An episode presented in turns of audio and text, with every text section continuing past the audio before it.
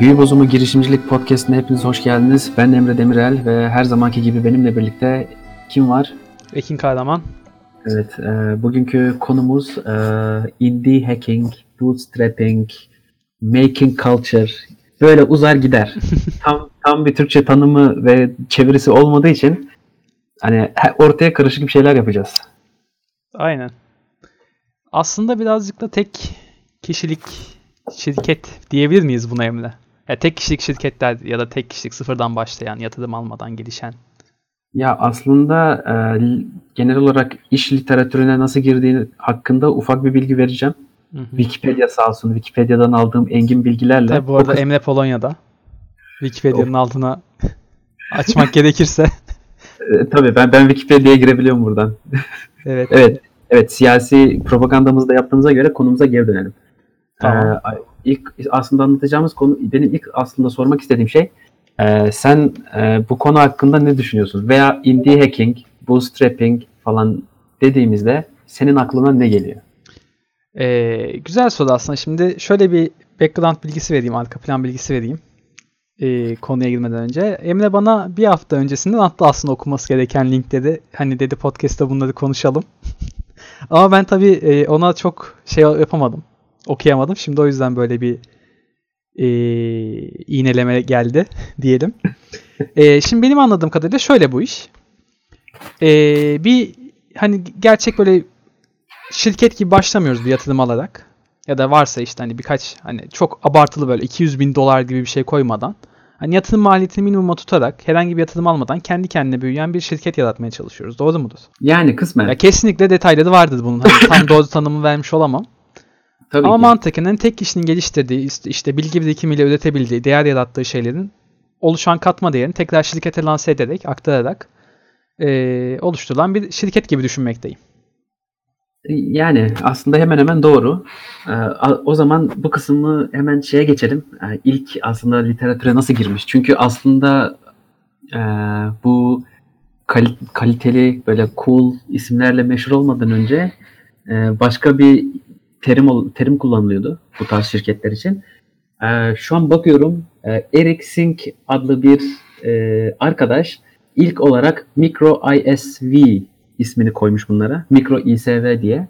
E, açılımı da şey Micro Internet Service Vendor yani internet servis ufak internet servis sağlayıcısı demek oluyor. Hı hı. E, bunu tanımlarken de demiş ki 10 e, 10 veya ondan daha az e, yazılımcısı olan şirket. Yani, yani Kobi şirketi. Kobi yani yazılım. Tek, yani hatta demiş tek kişilik bile olur. Yani tek bir kişilik bile olur. Tek kişilik ya da 10 kişiye kadar bir nüfusu olan şirketlere ufak internet servis sağlayıcıları olarak nitelendirmiş. Ama biz geçtiğimiz birkaç yılda bu özellikle bu startup dünyasının da iyice hareketlenmesinden sonra daha böyle karizmatik isimler bulmaya başladık bu duruma. Çünkü aslında insanların daha doğrusu piyasada çok fazla bu tarz e, şirket yapısı kurup e, bir işverenden bağımsız çalışmak isteyen insanlar. İşte işte digital nomading dediğimiz bu dijital göçmenlik mevzusu da son zamanlarda bu kadar e, yükseldi. Ayrıyeten bu e, ufak indie hacking dediğimiz ufak şirketler de böyle çoğaldı. Ee, insanlar bu tarz şeyler istiyor artık. İnsanlar Sanırım burada kurum... şeyin de etkisi var değil mi? Ee, hani genç neslin kurumsal bir yapıda yükselmesi veya kurumsal yapının işte çok e, Dalavere'de böyle bir savaş içerisinde bir şirket yönetiyorsun aslında. Hani onunla karşı da bir geliştirdiği bir kurgu olabilir mi sence? Ya aslında ben hep şey düşündüm. Ee, bizim ya as, doğruyu söylemek gerekirse ben bu jenerasyon bu jenerasyon Aynen, jenerasyon ben, ya ben bu jenerasyon isimlerine pek e, sıcak bakmıyorum. Yani bütün bir nesli ne bileyim jenerasyon Z, jenerasyon Y şeklinde sınıflandırıp herkes aynıdır denmesine biraz karşıyım ama genel olarak son yani bu bizim yetiştirilme tarzımızdan sanırım. E, özellikle 80 e, sonrası doğan nesilde var galiba. 80-85 diyelim. Bizim Türkiye için konuşursak aslında bir 90. Çünkü yani ben biraz 5 yıl gecik, gecikmeli geliyor zaten yani bizim ülkede e, trendleri biz bir 5-10 yıl geriden yakaladığımız için bizde 90 sonrası nesil galiba kurumsal hayat pek ilgisini çekmiyor insanların. Çünkü içerideki yaşadığım o ne derler Game of Thrones havası olsun. E, kend, hani politik yani belli bir politika yürütmen gerekiyor içeride yükselmek için. Ve bu aslında ufak e, bu hayatımız hayatta bizi etkileyen bu ufak stres kaynakları var ya. Aslında bu iş mevzusu da en büyük stres kaynağı. Peki biz bunu nereden öğrendik? Nereden öğrendik? Kaçık Prens'ten öğrendik. Kaçık Prens'ten öğrendik. Aslında Buradan bizim, sevgilerimizi iletelim tekrar.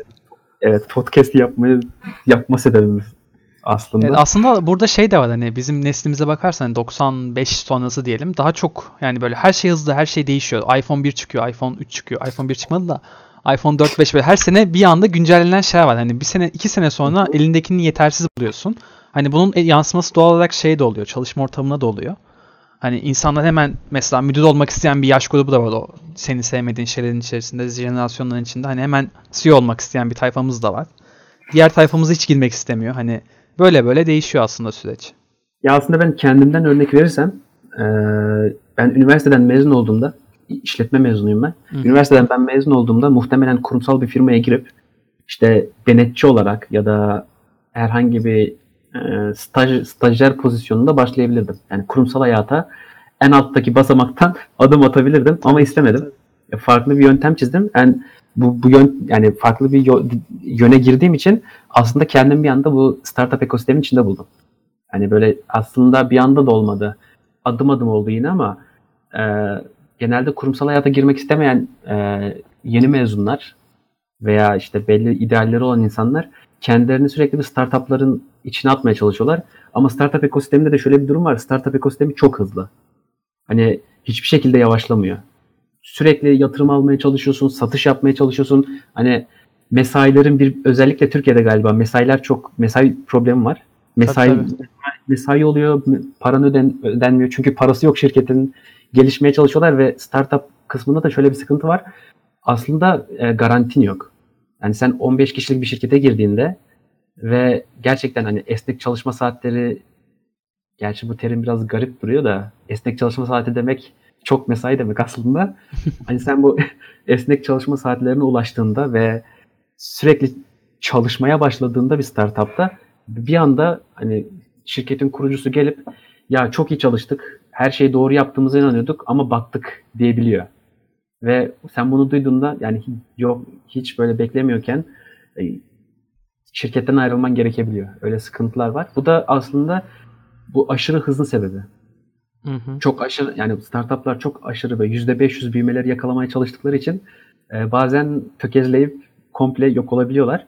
E, az ben, benim kendi görüşüm bu. Bence bu e, bootstrapping denilen olay e, bu startup e, bu kon, e, konvansiyonel mi denir? Hani e, geleneksel startup kültürüne e, karşı olarak çıktı. Ben öyle düşünüyorum. Sen Hı. ne düşünüyorsun? Ya aslında bu konuda hemen hemen aynı şeyi düşünürüz da. Yani ek- ekleyebileceğim bir şey yok herhalde buna. Hani dediklerinin üstüne tekrar etmektense. Yani o zaman e, şöyle yapalım. E, ufaktan e, bu indie hacking nedir? Ben aslında terimi biraz araştırdım. Hani bu Önce çünkü boot, aslında bootstrapping de dedin laf arasında. Ona da değinecek miyiz? ona da gidelim. Onu da anlatalım. O zaman önce bootstrapping'den gidelim. Aslında piyasada iki çeşit startup var. E, hani belki daha fazladır ama iki tane temel e, startup e, tipi var. Bir tanesi yatırımla büyüyen. Bu venture capital dediğimiz e, e, para babalarından para alıp o parayı 5'e 10'a katlayıp Onun adı var şey. Melek yatırımcı. Yok melek yatırımcılar ayrı. Ha, Melek tamam. yatırımcı var. Bir de venture capital'lar var. Ee, şey oluyor bunlar. Ee, belli, yani bunların e, ellerinde bir e, portföy var. İşte kendi yatırımcılarından Hı hı. topladıkları. Bunlar bu ellerinde toplanan parayı firmalara yatırım yapıp işte geri dönüş kazanmaya çalışıyorlar diye tahmin ediyorum. Çünkü çok da böyle bilgili olduğum bir konu değil. çok da atıp asıp kesmek istemiyorum bu konuda. Benim Tamam. bildiğim kadarıyla böyle işliyor. Hani ortada bir para var. Bu paranın nereye gideceğine karar veriyor bu venture capital'lar. Bir de melek yatırımcılar var. Melek yatırımcı da şey e, bir şirketin yani ilk bu daha çekirdek aşamasında seed aşamasındayken e, gelecek görüp genelde bunlar bireysel kişiler oluyor. Hani ben bireysel olarak zenginim. Mesela bizim Türkiye'nin en büyük şu anda melek yatırımcıları sanırım Yemek Sepeti'nin kurucusu. Hı hı. E, Nevzat Aydın mıydı ismi? Evet doğrudur. işte Nevzat Aydın işte mesela çok büyük bir melek yatırımcı şu anda. Çünkü bireysel olarak yatırımını yapıyor. Bir de ayrıyeten mentorluk sağlıyor bu melek yatırımcılar. Hani Ama sanırım o CEO olarak da çalışıyor hala Yemek Sepeti'nden. Yemek Sepeti için de yatırım yapıyor olabilir mi? Şimdi iyice konu Yok, dışına yok. çıktık ama Yok yok e, o şey onun durumunda sanırım hani yemek sepetinde ki görevi devam ediyor. Onun dışında bu satışta satıştan kazandığı parayla yatırım yapıyor hala. Hı, anladım tamam. A- hani Yani aslında sektörden aldığı parayı tekrar geri sektöre aktarıyor Anladım. ki aslında onun da amacı şey e, bu girişimcilik ekosistemi gelişsin Hı hı. tarzda bir amacı var. E, Şu anda aklıma bir tek o geliyor. Bir de Türkiye'de gerçekten bayağı geriden geliyor yani sektörde. Hani hacim olarak da, işlem olarak da, büyüklükleri olarak da gerçekten çok geride şu anda. Hı hı. Yani geliştirmeye çalışıyorlar. Ee, melek yatırımcı işte sana parayı veriyor. Ayrıyetten sana destek veriyor. İşte bu parayı nasıl kullanabilirsin efektif şekilde. Ona onu öğreten hem mentorun hem de ilk yatırımcın diyelim. O yüzden zaten melek yatırımcı deniyor. Ama sonuçta bu insanlar da e, kar amacı güden insanlar. Hani parayı sadece yak diye vermiyorlar. Tabii bir geri dönüş bekliyorlar. Ee, bu, bu tarz e, startuplar yatırım almış startuplar oluyor. Hani kurucularının kendi parası yok. Kurucuları e, hisselerini devrederek şirket içer- şirket içerisinde bir kaynak toplayıp o kaynakla büyümeye çalışıyorlar. Hani Hı hı. as- aslında mantık doğru. Şöyle de bir durum var. Hani 100 lira bir şirketin %50'sine sahip olmakla e, 10 milyon dolar değerli bir şirketin %1'ine sahip olmak arasında çok büyük fark var. Hani düşündükleri şey ikinci sistemin daha kaliteli, hani ikinci seçeneğin daha mantıklı olduğu yönünde. Am- Ama ikinci e, startup tarzı da şey, e, bu bootstrapping dediğimiz. E, bu da şey, dışarıdan yatırım almayayım, tamamen kendi imkanlarımla, kendi maddi imkanlarımla e, bir şeyi ayağa kaldırayım. Böyle bir durum var. Aslında bu bootstrap olayının da farklı e, tarzları var. Bir tanesi e, kendi paranı kendin bulduğun kısım. Hı hı. Yani kendi kendini fonluyorsun. Kendi cebinden şirkete bir para koyuyorsun. Böyle bir sistem var. Bir diğeri de e, sanırım nasıl işliyordu o? Bir diğeri de hiç e, ortak bulup e, o ortakla büyüyorsun galiba. Tam o konuda da e, yani ayrımı tam a- açıklayamıyorum şu anda. Yani bir, Ha, tamam birisini dışarıdan parayı alıyorsun. Diğerini de kendi kendine içeriden yani kendi cebinden ödeyerek bir proje yapmaya çalışıyorsun. Ama bu ödenen miktarlar sanırım hani belki ortak bulduğunda daha fazladır da kendi kendine fonluyor olduğun kısımda bir miktar daha az olabilir gibi geldi bana. Hani daha ufak bir şey projedir.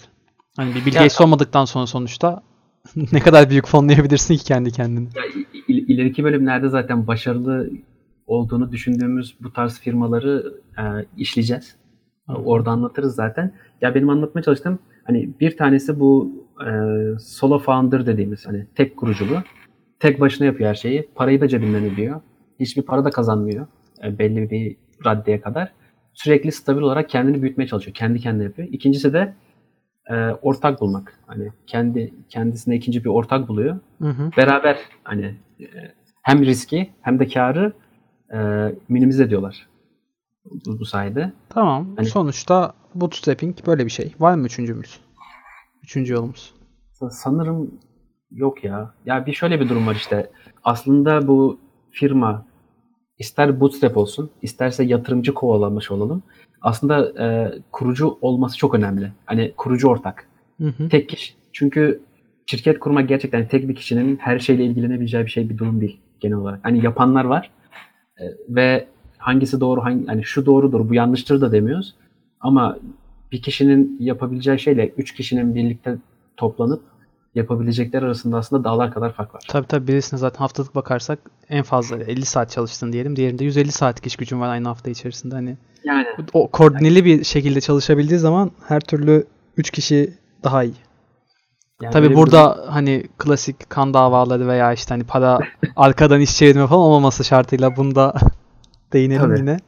Ya aslında bir de şöyle bir durum var. So- bu indie hacking dediğimiz terime gelelim. Bu indie hacking dediğimiz terim aslında e, dünya çapında kabul görmüş bir terim değil. Bu indie hacking terimi ilk olarak bu indiehackers.com bu indiehackers.com diye bir internet sitesi var. Hı hı. O, o sitenin kurulmasıyla başladı. O sitenin kurucu ortakları var. iki tane kardeş. E, birinin adı Courtney'di de diğerini hatırlamıyorum. Aslında ismi onlar buluyor. Ve e, siteye girip de aslında indie hacking nedir tarzı bir başlık var. Oraya girerse dinleyen arkadaşlar görürler. Aslında anlatmaya çalıştıkları şey e, insanların hani kendi başına şirket kurmaya çalışan e, insan olarak tanımlıyorlar indie, hack, indie hacker kelimesini.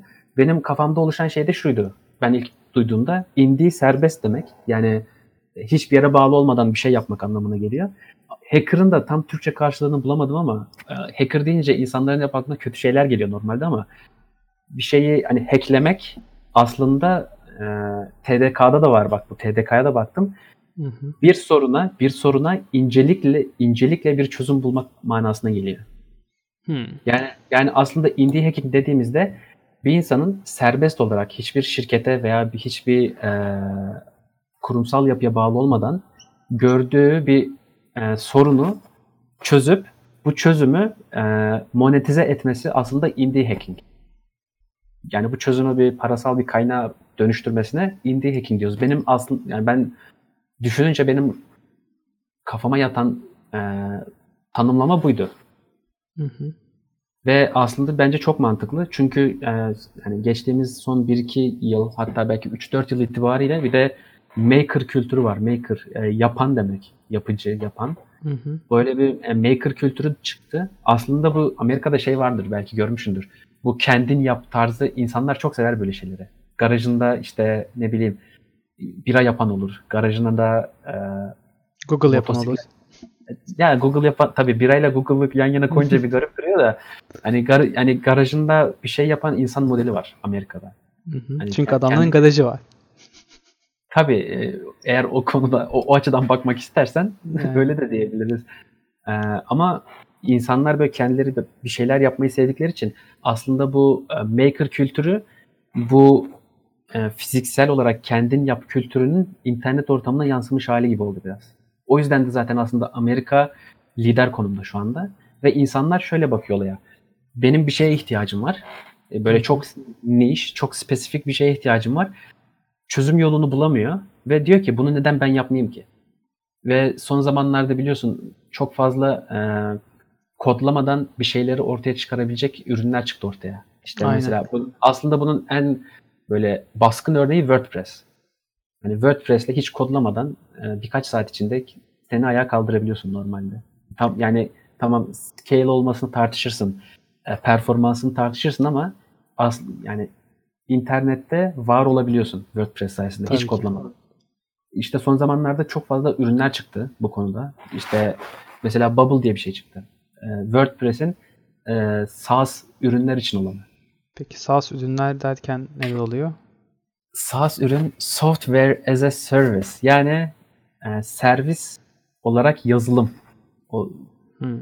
ne çevirebiliriz? Yani şöyle oluyor. Bir yazılım var. Bu yazılımı e, komple satın almak yerine servis şeklinde e, aylık bir ödemeyle kiralıyoruz aslında. Aslında SaaS dediğimiz konsept en basit tabiriyle bu. En büyük örneği ve herkesin kullandığı Netflix diyebilir miyiz? Servis olarak evet ama e, yazılım olarak emin değilim. Aslında olabilir çünkü yani Netflix sonuçta televiz televizyonu karşıladı. Televizyonun e, muadili olarak çıktı ve ev, artık insanlar evine televizyon almak yerine Netflix alıp bilgisayarından izliyor. E, diyebiliriz belki ama insanların aklına yani SaaS deyince gelen ürünler işte Aslında şirketin kullandığı küçük ölçekli, hani küçük ölçek dedim sadece bir işe odaklı projeler gibi. işte o da ayrı bir konu. O konuya da geleceğiz. Evet O aslında buna şimdi ben de bir parantez açabilirim. Çünkü bunların küçük küçük yazılımların birleştirip tekrar bir paket halinde satılması da mümkün oluyor. Yani yine aslında küçük olması ya da bir büyüklük küçüklük tanımı yapamıyoruz. Yani ya bir de şöyle bir durum var. Artık bu mikro SaaS diye de bir konsept var artık. Hani e, mesela bunun en büyük örneği Salesforce. No- tamam şimdi mikro SaaS ve Salesforce yan yana gelince insanlar muhtemelen diyecek ki ne alaka? Hani Salesforce bugün dünyanın en büyük e, müşteri yönetim e, servisi. Ama şöyle bir durum var. Aslında bu Salesforce'un ilk ortaya çıkması e, SAP'den kaynaklı oldu. Hani SAP şu anda galiba dünyanın en büyük ERP yazılım firması. E, Hı hı. yani uçtan uca bütün çözümleri sunuyorlardı şirketlere. Ve bunu e, on-premise olarak yapıyorlardı. Yani şirkete gidip yazılımı kurup, desteğini verip, eğitimini verip e, Şirketin sorunlarını çözüyordu. yani ne kadar çözdükleri tartışılır tabii de ve bu anlattığım hani bu SAP'nin ürünleri milyon dolarlarla e, ölçülecek ürünler. Hani tek bir ufak şirketlerin alıp da kullanabileceği şeyler değil bunlar. Hı hı. Salesforce'un aslında ilk ortaya çıkışı da böyle oldu. Hani dediler ki bu SAP'nin içinde CRM diye bir şey var. Müşteri ilişkileri yönetim paneli. Hı hı. Biz dediler ki biz bunu alsak sadece. Bütün ERP sistemin içinden sadece müşteri ilişkileri kısmını alsak, ayrı bir ürün yapsak başarılı olur muyuz? Yani komple her şeyi satmak yerine sadece ufak bir parçasını satsak. Ve ilk aslında doğuş e, maceraları böyle başlıyor. Salesforce CRM olarak çıkıyorlar.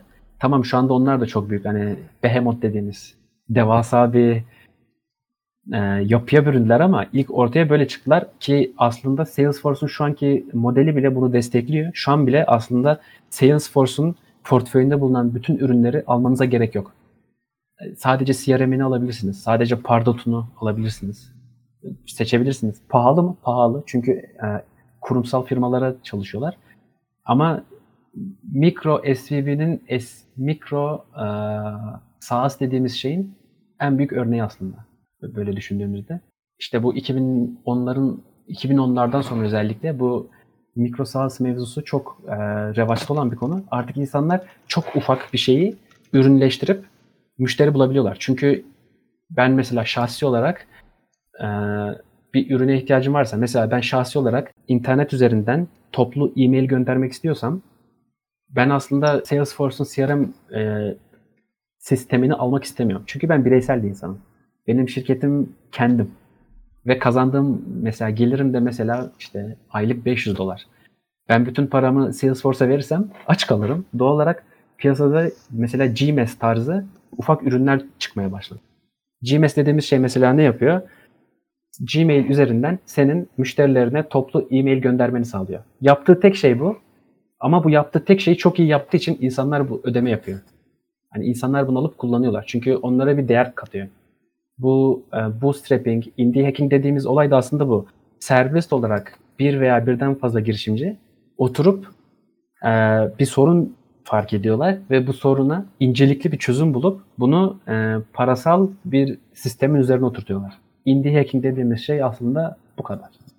Aslında kısaca özetlemek gerekirse bir tane çözüm buluyoruz. Bu çözümü çok iyi çözüyoruz. Sorunu diyelim. Sorun buluyoruz. Sorunu çok iyi çözüyoruz. Çözümümüzü pazarlıyoruz. Yani Bu Doğru. sırada da yatırım alma şeklimize göre işte e, şirketimizin şeyi değişiyor. Ekibimize göre de büyüklüğüne göre de mikro işte makro midi. Hadi midiyi ben ekledim. Literatüre bir katkım olsun. E, gibi isimlendirmeler yapabiliyoruz aslında. Ya aslında bütün olaylar zaten bakınca Emre şey değil mi zaten hani bir yani bir çözüm bulman gerekiyor artık. Zaten sorunlarla boğuşarak bir işletme ilerliyor genelde bugünlerde. Ya her gün bir sorun var aslında çözülmesi gereken. Hı hı. Ve ne kadar iyi sorunların çözülmesine yardımcı olursan diğer şirketlerin o kadar avantaj elde ediyorsun aslında. Yani aslında hepimizin yaptığı iş birbirimizin sorunlarını hızlı yoldan çözmeye çalışmak gibi geliyor bana. Doğru. Ee, as şöyle söyleyeyim. Bizim şeye de gireceğim. Bizim bu e, podcast'ı başlatma mentalitemize de geleceğim aslında. İlk baş hani ilk fikir aşamasından şu an buraya oturmamıza kadar ki olan e, düşünsel sürecimizi çizdiğimizde şöyle bir durum var. E, iki- hani 2000'lerin başında çok büyük bir biliyorsun dot-com boom oldu. Hani aslında bir startup patlamasının yaşandığı kısım orasıydı. Hani enterprise firmaların artık e, bu startuplarla ilk kez baş edemediklerini fark ettikleri nokta. Bu 90'ların sonları bu internetle beraber hayatımıza giren olay. E, Ondan sonra bu startuplar e, geleceğin iş modeli olarak görülmeye başladı. Başlandı. Çünkü e, kurumsal firmalara göre daha ufaklar, daha hızlı hareket edebiliyorlar ve daha hızlı pivot edebiliyorlar. Pivot etmek dediğimiz şey de e, sundukları çözüm veya çözdüklerini düşündükleri sorunda bir problem varsa ya, o sorunu aslında yeteri kadar iyi çözemiyorlarsa veya sorun diye düşündükleri şey aslında gerçek manada insanların ihtiyacı olan bir şey değilse pivot ediyorlar. Yani hemen yönlerini değiştiriyorlar. Bunun da mesela en güzel örneği YouTube. YouTube ilk çıktığında aslında eee, videolu eee, buluşma uygulaması olarak çıkıyor. Hani videosun, videolarını yüklüyorsun ve karşı cinsten veya artık kendi cinsinden buluşmak istediğin insanlarla tanışmanı sağlamayan bir uygulama olarak tasarlanıyor ilk başta. Ama sonra bunu e, değer sağlayan bir yapı olmadığına karar verip bunu YouTube yani şu an günümüzdeki YouTube'a evrilmesini sağlıyorlar. Pivot etmiş oldular. Hı hı. Hani Bunu aslında mesela- Google Plus'ta da görebiliyoruz. Yani Google, Plus da Plus- ilk başta çok farklı çıkıyor. Ama şu anda mesela pivot edemediği için kapanmak zorunda kalan bir servisten bahsediyoruz. Yani işte bak burada aslında çok güzel bir örnek verdi. Şöyle diyebiliriz. Eğer Google Plus, Google'ın Google çok büyük kurumsal bir firma. Bugün dünyanın en büyük 2-3 firmasından biri. Ve Google'ın bir şey pivot etmesi çok zor. Çünkü çok büyük olduğu için yani şey gibi düşünebiliriz bunu. Yani denizde e, çok büyük bir gemi düşün. Bir de kayık düşün.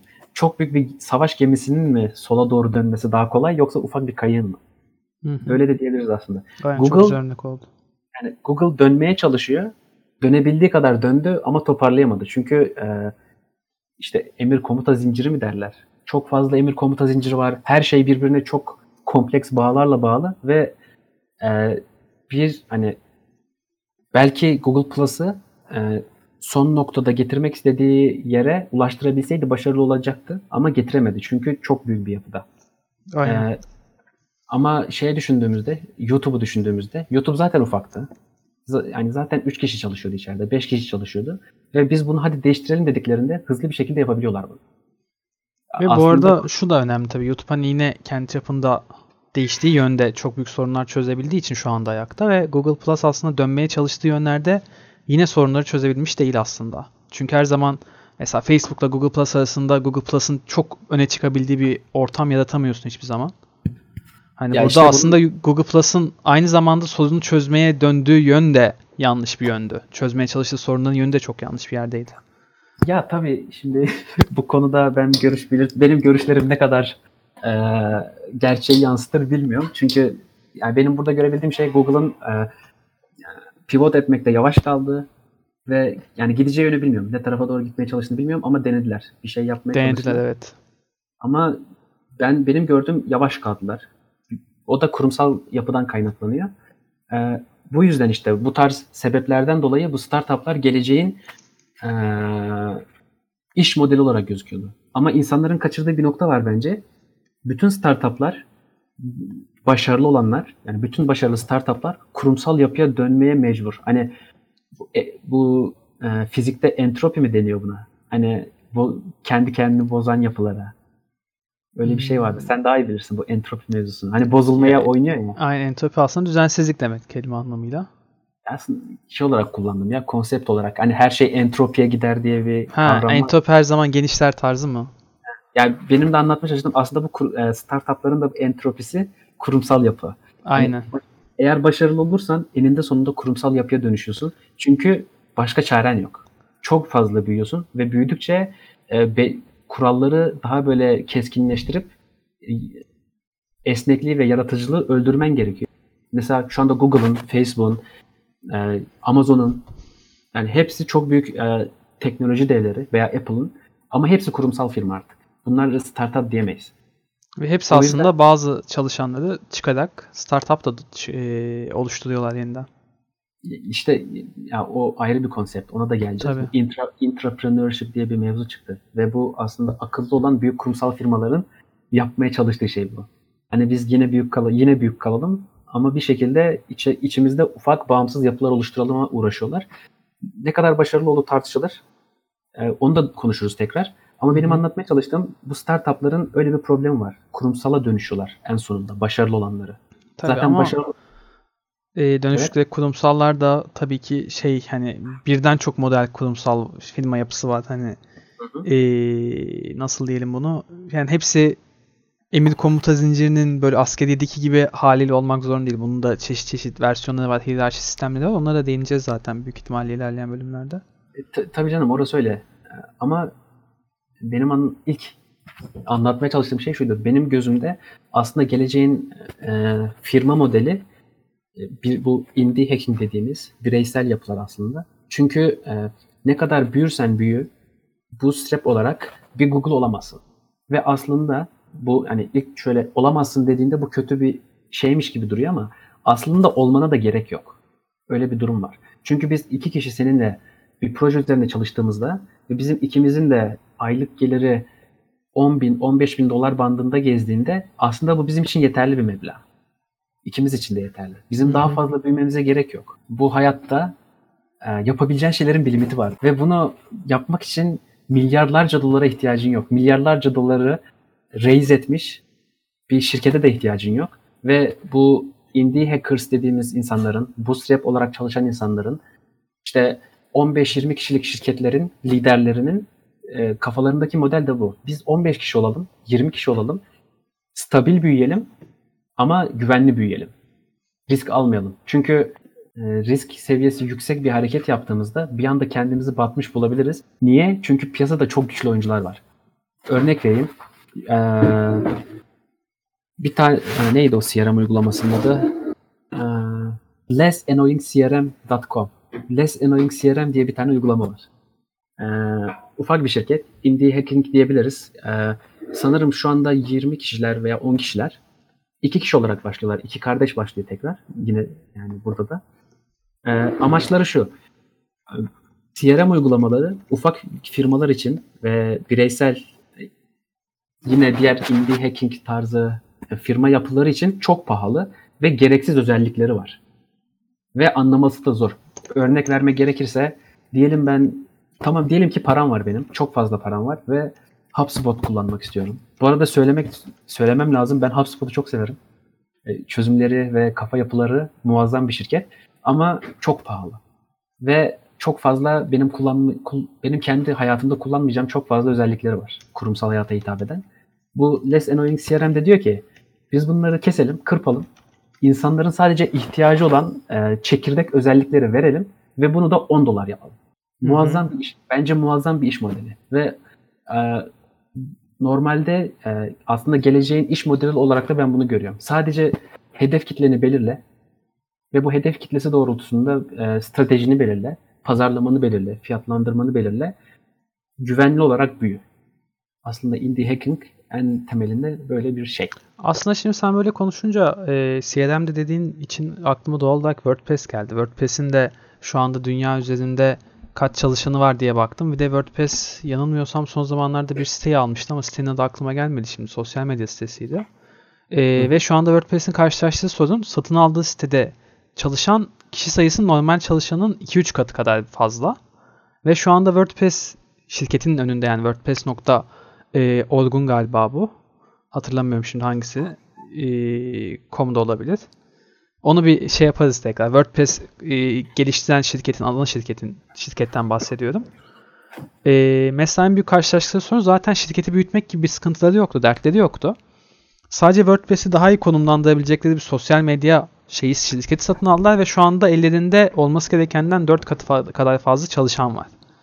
E, bu çalışanlar nasıl baş edecekler, nasıl bir taktik geliştirecekler e, hep birlikte göreceğiz. Mesela şimdi baktım 532, 532 çalışanı varmış sadece WordPress'in. Yani, yani e... aslında hani WordPress gibi büyük bir yapıdan bahsediyoruz ve sadece 532 çalışan var içerisinde.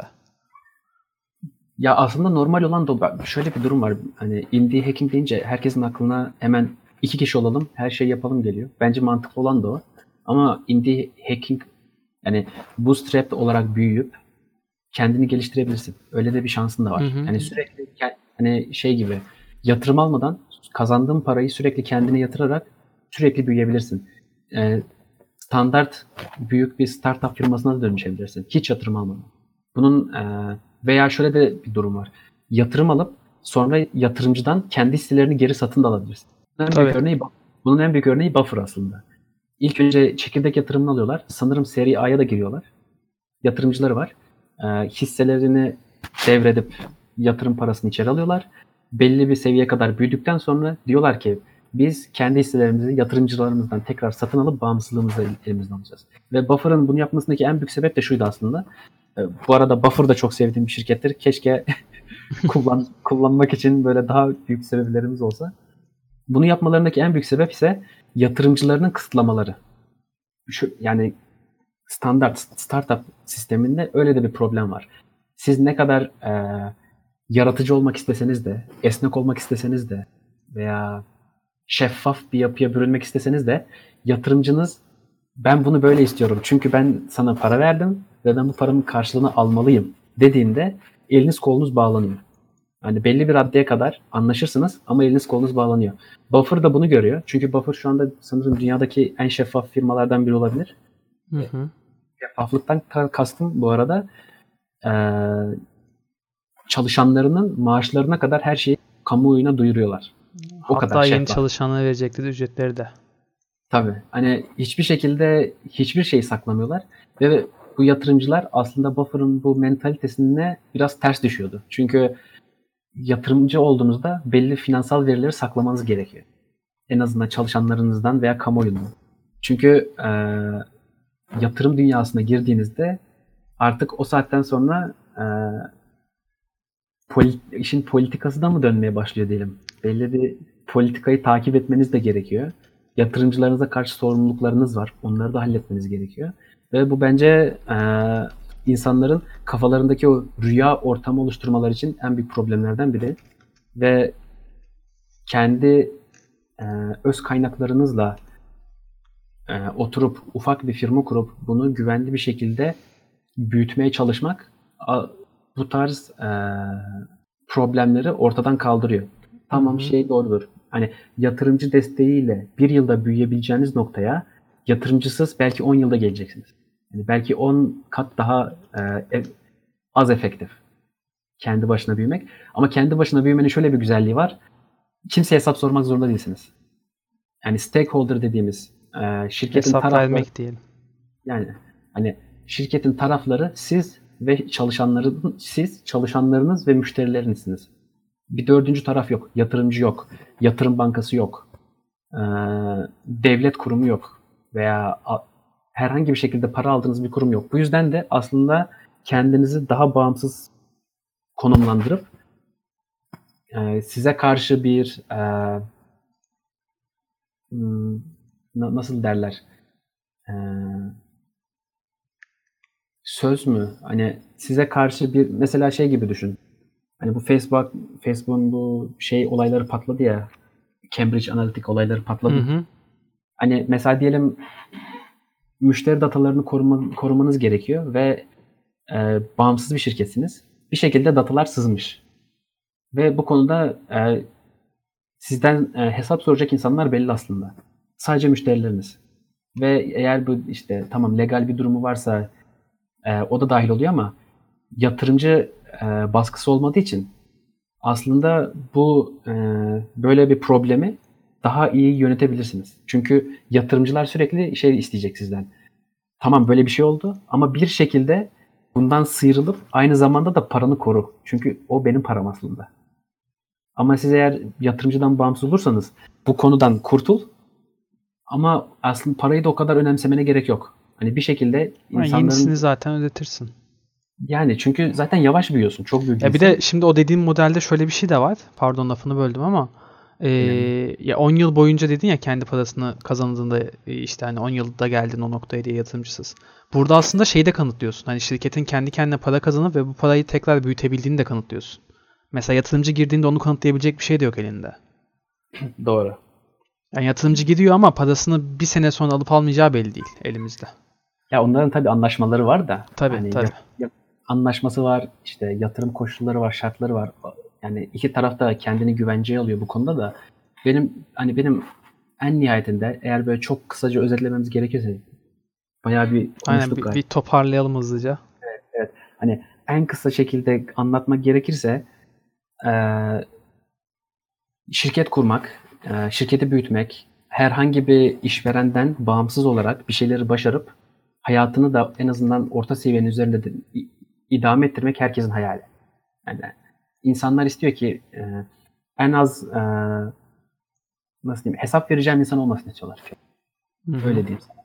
Ve bir şey bir şekilde hayatımı idame ettireyim istiyorlar ve kendimi, ailemi, işte bana bağımlı olan insanları da güvenceye alayım istiyorlar. Bunu yapmanın en kolay yolu e, ufak şirketler kurmak. Bu ufak şirketler kurmanın en kolay yolu da e, şu anda hali hazırda sizin başınıza gelmiş olabilir veya insanların e, aradıkları veya çözüm aradıkları sorunlar olabilir. Bu sorunları tespit edip bu sorunlara uygun çözümler üretip bu çözümleri de bir şekilde paraya dönüştürmek. Yapılabilecek aslında en e, geçerli çözüm bu. Ve bunu yaparken de yatırımcı olmamasının bence en büyük e, karı e, sizi anlamadığınız sulara girmekten alıkoyuyor. Çünkü yatırım aradığınız zaman bunun bir sürü legal e, şeyi var. Hukuki e, prosedürü var. Bunun bir sürü finansal prosedürü var. Bir sürü e, işçi açısından da prosedürü var. İşte hisseler, senetler, e, işte devir anlaşmaları, bir sürü ıvır zıvır var.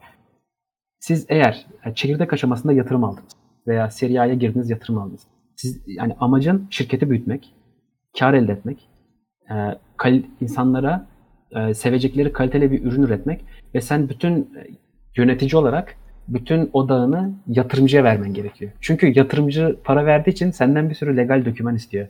Veya bu yatırım işlemi sürsün diye bir sürü e, iş bölü adam mı diyorlar ona? İş gücü bölü adam saat o tarafa kayıyor. Hı hı. Çünkü bir insanların bunlarla uğraşması gerekiyor. Ben de şöyle düşünüyorum. Ben zaten 3 kişiyim. E, fikrim var. Yatırım alabilirim. Yatırım almak yerine bunu e, kendi başıma ayağa kaldırabilirim. Kendi başıma ayağa kaldırsam haftalık 50 saat çalışsam 50 saatimin tamamını bu, bu sistemi geliştirmekle uğraşacağım. Ve benim halihazırda e, ürünü geliştirmem var. Ürünün pazarlaması var. Ürünün satışı var. Ürünün müşteri e, memnuniyet kısmı var. Bunların hepsini halletmem zaten çok zor bir şey. Ayrıyetten yatırım alıyorum ve yatırım alınca da e, ekstradan bu yatırım işleriyle uğraşmam gerekiyor. Hı hı. Şey denilebilir. Yatırım alırsan o işlerle o işleri yapacak insanları alman gerekiyor diye. Şunu da ekleme gerekiyor. Yetenek bulmak çok zor. Yeteneği e, yakalamak çok zor. Elde piyasada. tutmak da çok zor. Elde tutmak da. Çünkü şöyle bir şey var. Eğer e, gerçekten müşteri memnuniyeti konusunda, satış konusunda, pazarlama konusunda, dijital pazarlama konusunda veya ürün konusunda çok kaliteli insanları elde tutmak istiyorsanız gerçekten onlara Google'ın, Facebook'un veya belki de orta ölçekli teknoloji şirketlerinin vaat edemeyeceği şeyleri vaat etmeniz gerekiyor. Ve bu gerçekten çok zor. En mantıklısı o yüzden ben, yani bizim kafamıza göre en mantıklısı ufak başlayıp stabil büyümek. Ee, genel olarak da bizim ileriki haftalarda konuşacağımız konular da bu çerçevede gidecek. İşte e, sorunlar nasıl tespit edilir? İnternette, internet sorunları nasıl tespit edilir? İnsanların hayatına değer katacak ürünler nasıl geliştirilir? Bunun pazarlaması nasıl yapılır? E, satış aşamaları nasıl ilerliyor? Ee, inşallah başarırsak belki başarılı olmuş e, indie hackerları bulup özellikle Türkiye'den e, mülakat yapmak çok güzel olur. Onu düşünüyoruz. E, son olarak e, bir şey daha söyleyip sana devredeceğim. Çok konuştum çünkü farkındayım. Estağfurullah. E, bizim Türkiye'de Bootstrapped olarak çıkıp çıkmış sanırım en başarılı şirketlerden biri Jotform. E, aslında bir form yapma e, firması. E, yani şöyle düşünüyorum. Yani düşündüğünüzde şöyle bir şey var. Jotform ne yapıyor? Senin e, HTML yazmadan form yapmanı sağlıyor. Hani sürükle bırakla. Hı. Ve diyorsun ki yani buna kimin ihtiyacı olur? İnsanların ihtiyacı var işte buna. E, Jotform'un sahibi Aytekin Tank sanırım. E, Aytekin Tank abi diyelim. Bizden baya baya yaşlı. E, problemi görüyor. Sorunu çözüyor. Ve e, sanırım 2001 mi 2002 gibi e, şirketi kendi başına kurup çalışmaya başlıyor. Hiçbir yerden yatırım almadan. Ve şu anda yüzden fazla çalışanı var. Sek dünyada, sektörde Typeform'la beraber adı geçen ilk iki e, firmadan biri. Ve bunu tamamen hiç yatırım almadan yapıyor. Ve karşısındaki Typeform sürekli e, yatırım almaya çalışıp büyüyen bir firma. Ama e, yani sanırım girişimci muhabbet sanırım değil. Girişimci muhabbetindeki podcast bölümlerinden birine katıldı. 177. bölüm olması lazım. Girişimci muhabbet 177'de anlatıyor aslında neler yaşadığını. Hani ilk 10 sene 4 kişiyiz sadece diyor. Bütün şirket 4 kişiyiz 10 sene boyunca. 10 seneden sonra yavaş yavaş büyümeye başladı. Hı hı. Hani ama bence daha stabil büyüdükleri için şu anda daha şirket kültürleri oturmuş vaziyette. Ne istediklerini biliyorlar ve yatırımcı dertleri yok kendi kendilerini çevirebiliyorlar. Aynen ve bu sayede daha fazla iş üretebiliyorlar. Çözüm yani, üretebiliyorlar diye. Hem de daha fazla teknoloji üretiyorlar bence. Tabii tabii. Ee, ben öyle düşünüyorum. Bu arada ben de bir düzeltme yapayım o zaman bana geldiyse söz. Evet Hatta. yap. Ee, dediğim WordPress şeylerini araştırdım ben sen konuşurken bir yandan da. Ee, hani sayıları veriyoruz madem doğru verelim diyerekten.